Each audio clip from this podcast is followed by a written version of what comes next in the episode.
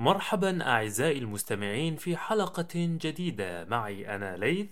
وأنا فرح في برنامجكم في رحال العربية. وفي هذه الحلقة. وردتنا العديد من الأجوبة على سؤال حلقتنا السابقة.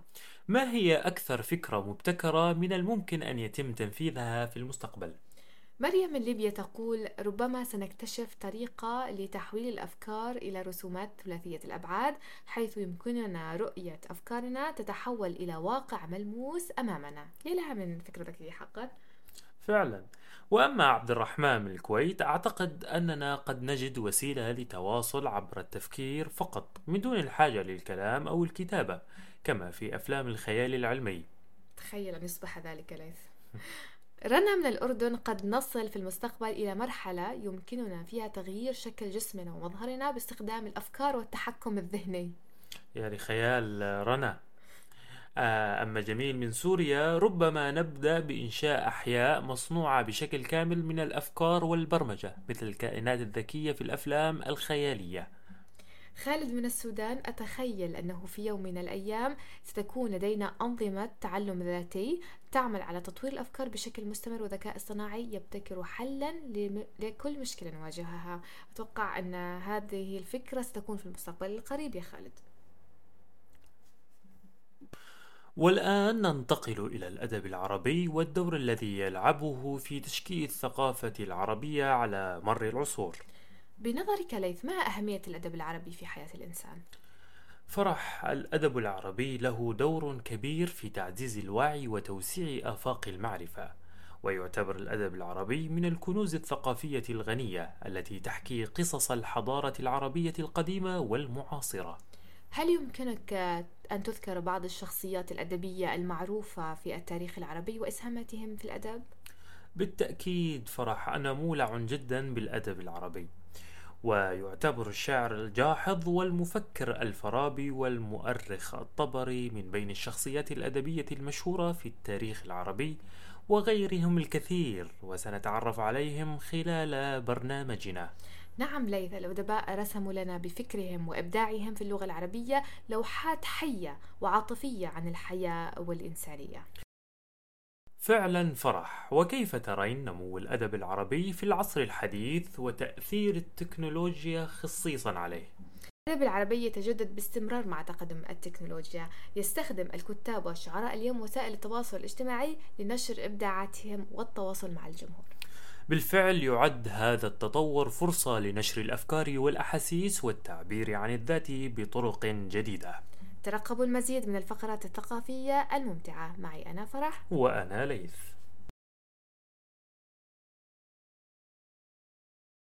عرف جبران خليل جبران بأنه شاعر وفيلسوف عابر للثقافات وأعماله ترجمت إلى العديد من اللغات العالمية حتى يومنا هذا. ما زالت كتبه محط اهتمام القراء حول العالم. كان تأثيره على ميليس وإبداعه متعدد. بجانب كونه شاعر كان جبران خليل جبران فنانا متعدد المواهب قام برسم اللوحات التوضيحية التي تعكس أفكاره الفلسفية والجمالية. يتميز أسلوب جبران بالتأمل العميق والروحي وينطوي على رؤية جمالية للحياة وطبيعة الإنسان. يعتبر جبران خليل جبران من أبرز الشخصيات الأدبية في العصر الحديث له تأثير على الأدب العربي أثرت أعماله بشكل كبير على آه، جميع الأجيال. ومن أقواله لقد تعلمت الصمت من الثرثار والتساهل من المتعصب واللطف من الغليظ. والأغرب من كل هذا أنني لا أعترف بجميل هؤلاء المعلمين. وقول آخر ما أنبل القلب الحزين الذي لا يمنعه حزنه على أن ينشد أغنية مع القلوب الفرحة. ومن لا يدرك أسرار قلوبنا إلا من امتلأت قلوبهم بالأسرار. ومن جبران إلى تحدي العقول مع لغز اليوم. ما هو الشيء الذي يشع نورا ويعكس الحقيقة في الظلمة يمنح الأمل في الحزن وينعش النفوس في الكآبة؟ هو رحيق الكلام وجناح الخيال. يأخذكم في رحلة بين المد والجزر وبين الأحلام والحقائق. يا هيا ليث حاول. هو صعب جدا هذا اللغز. آه، هل هو الحكيم؟ هو قريب من الحكيم. نعم. وليس الحكيم فيلسوف. ليس فيلسوفا لا. ليس إنسان. هو ليس إنسان. كتاب. ليس كتاب. شيء قريب من الكتاب. شيء قريب من الكتاب؟ مم. هو فعل؟ أو نعم تقريبا. هل هي الكتابة؟ نعم إنها الكتابة فعلا. الكتابة هي التي آه، نعبر فيها عن خيالنا عن الأحلام وعن الواقع. نعم يا ليث لقد حزرت. رأيتي حتى ال- الحلقة السابقة لقد حزرت الجواب. دائما ما تحزر الجواب. والآن مع التراث الغذائي العربي وفي هذه الفقرة سنتحدث عن طبق محبوب لا يمكن أن يمر مرور الكرام فرح في المناسبات العائلية والاجتماعية. إنه المنسف لنكتشف أسرار هذا الطبق الشهير. فرح أنا متحمس للانضمام إليك في هذه الفقرة تحديدا. المنسف حقا واحد من ألذ الأطباق العربية ومعروف بتحضيره بعناية فائقة. ما الذي يميز هذا الطبق الشهير فرح؟ بالتأكيد المنسف يتميز بطريقة طهي فريدة حيث يطهى اللحم مع الأرز والتوابل لفترة طويلة وببطء في قدر كبير ما يمنحه نكهته الخاصة هو استخدام التوابل العربية التقليدية مثل البهارات والفلفل الأسود رائع فرح وماذا عن الطريقة التقليدية لتقديم المنسف؟ هل هناك طقوس خاصة بهذا الصدد؟ بالتأكيد المنسف آه، يقدم عادة على آه، طبق كبير تضع يضعون آه، قطعة من الخبز ومن ثم الأرز واللحم ويزين بالم- بالمكسرات الذي يضفي عليه لمسة جمالية ويزيد من جاذبيته. يشارك الجميع في تناول المنسف.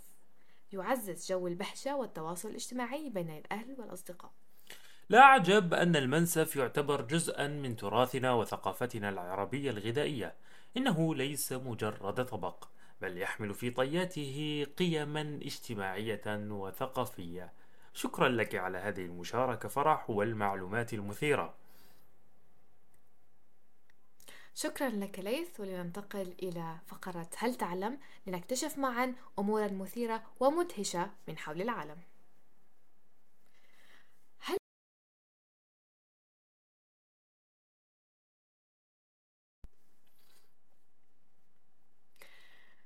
ولننتقل الآن إلى فقرة هل تعلم حيث نكتشف معا أمورا مثيرة ومدهشة من حول العالم.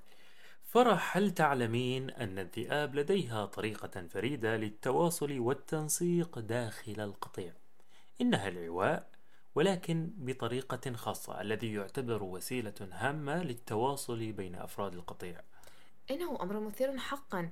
يبدو أن الذئاب لديها طريقة رائعة للتواصل. هل يمكنك أن تشرح لنا كيف يتم ذلك؟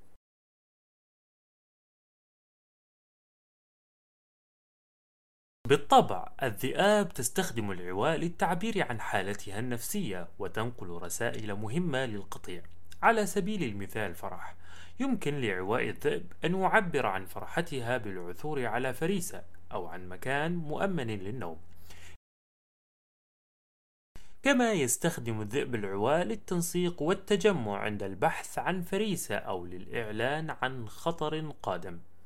إنها معلومة جميلة حقا. هل يوجد للعواء أيضا آه، دور في تعزيز روابط القطيع والتكافل بين أفراده؟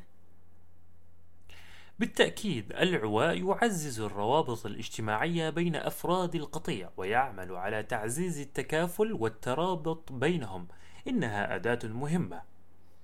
جميع الكائنات لها طريقتها الخاصة للتواصل فيما بينها. كل فرد لديه طرق مختلفة فرح للتعبير عن مشاعره والتواصل مع من حوله وهذا يقودنا إلى سؤال الحلقة ليث لمستمعينا الرائعين هل تعبرون عن مشاعركم بالكلمات والعبارات الصادقة؟ أم تفضلون التعبير عنها بالتصرفات واللغة الجسدية؟ أم تفضلون الاحتفاظ بها داخلكم؟ شاركونا طرقكم المميزة والمبتكرة للتعبير عن المشاعر للآخرين نحن في انتظار مشاركتكم الرائعة على البريد الإلكتروني. رحال العربية gmail.com رحال العربية gmail.com إلى إلى اللقاء.